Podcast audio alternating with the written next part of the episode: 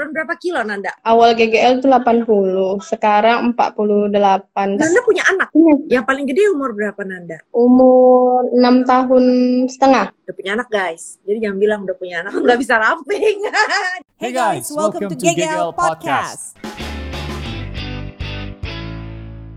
Malam ini kita akan membawa satu perempuan untuk share pengalaman dia selama menjalankan GGL seperti apa. Ada yang penasaran gak sih ceritanya dia, si Nanda? Setiap kali kita tampilkan foto before after yang kalian selalu wow. Selalu keren banget. Ya. Malam. Hai. Malam Selamat Nanda. malam.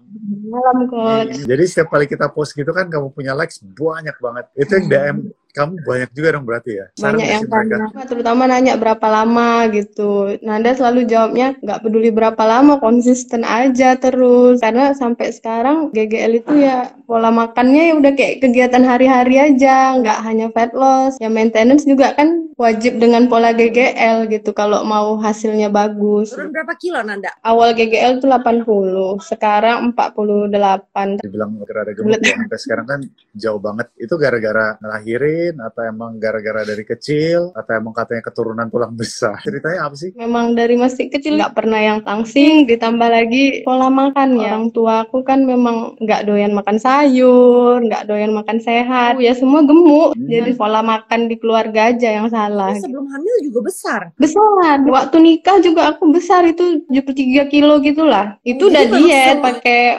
obat-obat tuh lah gitu Iya, iya, kan. iya. Turun sih.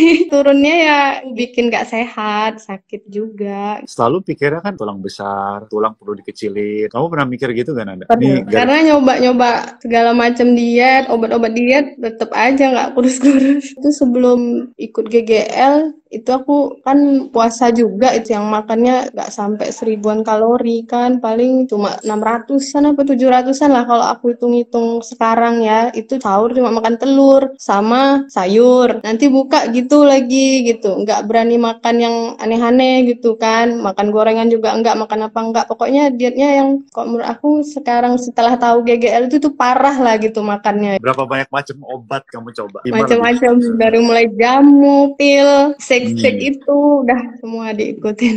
Pokoknya mau bilang terima kasih banget buat coach berdua. Semua program yang coach buat itu keren. Sama-sama.